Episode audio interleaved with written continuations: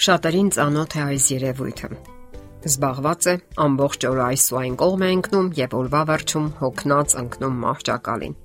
Ձեր նյարդային համակարգն աշխատում է վերջին pašարների հաշվին։ Բժշկագիտության մեջ այս երևույթը կոչվում է հուզական մոխրացում կամ հուզական այրում։ Հուզական այրումը 22-րդ դարի հիվանդությունն է։ Այն նախկինում համարյա չէր հանդիպում։ Այդ համախտանիշը մարդու հոգեբանական հակազդեցությունն է երկարատև հուզական ծանրաբեռնվածություններին եւ դրսեւորվում է կյանքի հանդեպ հետաքրքրության կորստով եւ այն կարող է զարգանալ, հասունանալ ամիսների ու տարիների ընթացքում։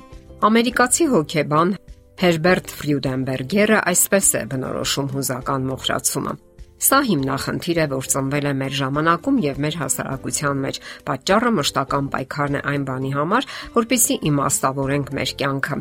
Այս վիճակը չի անցնի, եթե անտեսենք այն, իսկ ընդհանուր առմամբ նրա մեջ ոչ մի վատ բան չկա։ Եվ այսպես, հուզական մոխրացման համախտանիշը կարող է հանդիպել գործնականում բոլոր մարդկանց մոտ այն անցնում է հաջորդական փուլեր։ Թեև պարտադիր չէ, որ մի մարդը անցնի բոլոր փուլերով։ Այն սկսվում է ինքնահաստատման ձգտումից, ապա մարդը սկսում է ավելի ու ավելի շատ աշխատել։ Նա արդեն անտեսում է սեփական պահանջմունքները կարևորելով ուրիշների կարիքներն ու չափանիշները, եւ որ կարևոր է, նա չի հասկանում հիմնախնդրի իր վատ ինքնազգացողության արմատները։ Հոգեբանական փոփոխություններից հետո մարդը փոխում է իր արժեքները։ Նա կորցնում է ընկերներին, ընտանիքը, թողնում է սիրելի զբաղմունքները,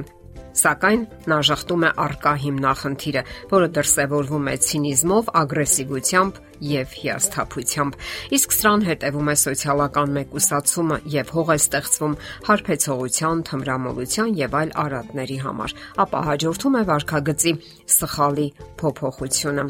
Արդեն նկատվում են ներքին ամայությունն ու դեպրեսիան։ Այս փուլում մարդը ֆիզիկապես եւ մտավորապես լիակատար հյուծված է Հուզական այրման պատճառներից է ամենօրյա սթրեսը, որը առաջանում է ճափազանց հագեցած կյանքից։ Դրանք մեծ քանակի հանդիպումներն են, ժողովները, նախագծերը, պարտականությունները կատարելու անիրական ժամկետները, երկրորդական անկարևոր գործերը, որոնք շեղում են հիմնականից։ Կան շատ այլ գործոններ, որոնք նպաստում են մարդու հուզական այրմանը ինֆորմացիոն տեխնոլոգիաներով հագեցած մեր դարաշրջանում։ Սթրեսն ինքնին սովորաբար մեծ հիմնախնդիրներ չի առաջացնում, սակայն յուրաքանչյուր մարդ ունի դիմանալու իր սահմանագիծը կամ շեմը, որից այն կողմ նա հայտնվում է գերծանրաբեռնվածության մեջ։ Իսկ ինչպես հաղթահարել հուզական այրման համախտանիշը։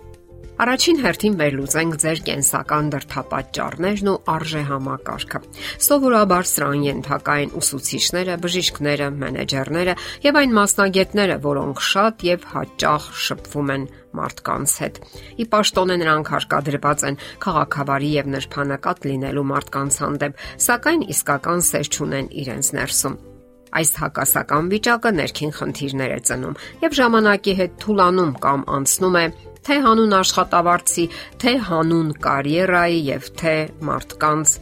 ձևական սիրելու խթանը եւ մարդը ազատություն է տալիս իր իսկական զգացմունքներին։ Եթե այս վիճակը չի անցնում, մարդը ստիպված է լինում փոխել մասնագիտությունը, հուսալով գտնել այնպիսի աշխատանք, որտեղ մարդկանց սիրելը պարտադիր չի լինի կամ էլ այնպիսի մարդիկ կհանդիպեն, որոնց սիրելը հեշտ կլինի։ Ահա թե ինչու կարևորվում է մարդկանց անկեղծորեն սիրելու արվեստը, որը հնարավոր է միայն Աստծո հետ ճիշտ հարաբերություններ պահպանելու դեպքում։ Եվս մեկ խորհուրդ. թեթևացրեք ձեր կյանքը զանգվածային տեղեկատվության միջոցները, համացանցը, հեռուստատեսությունը, բջջային հեռախոսները եւ այլն օգնում են աշխատանքի մեջ, սակայն նրանց միջոցով նաև ավելորդ տեղեկատվության հսկայական հոսք է տեղի ունենում մեր ուղեղի մեջ։ Դա եւս հոգնեցնում է եւ շեղում ավելի կարևոր պարտականություններից։ Հիշեք մի կարևոր բան.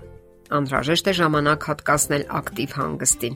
Մարդն այնպես է ստեղծված, որ հանգստի կարիք ունի։ Նա չի կարող 7 օր անընդմեջ աշխատել։ Աշխատանքի համար սահմանված է 5 կամ 6 օր ոչ ավել։ Հիշում եք Աստվածաշնչյան հանրահայտ պատվիրանը. Հիշիր հանգստության օրը նրան սուրբ պահելու համար։ 6 օր աշխատիր եւ քո բոլոր գործերն արա, սակայն 7-րդ օրը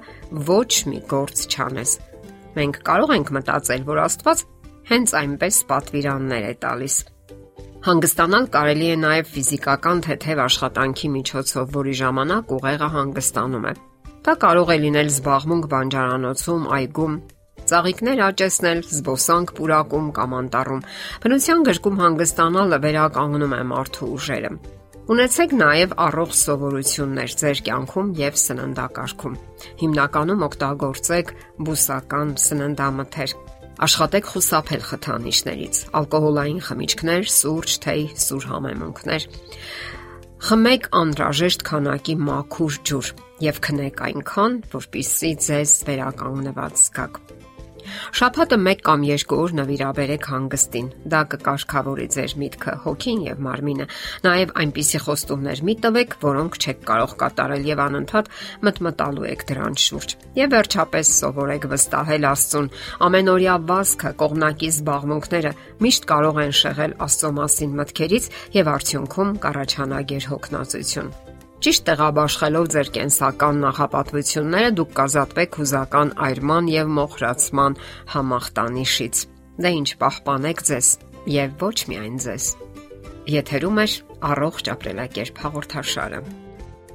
Հարցերի եւ առաջարկությունների համար զանգահարել 033 87 87 87 հեռախոսահամարով։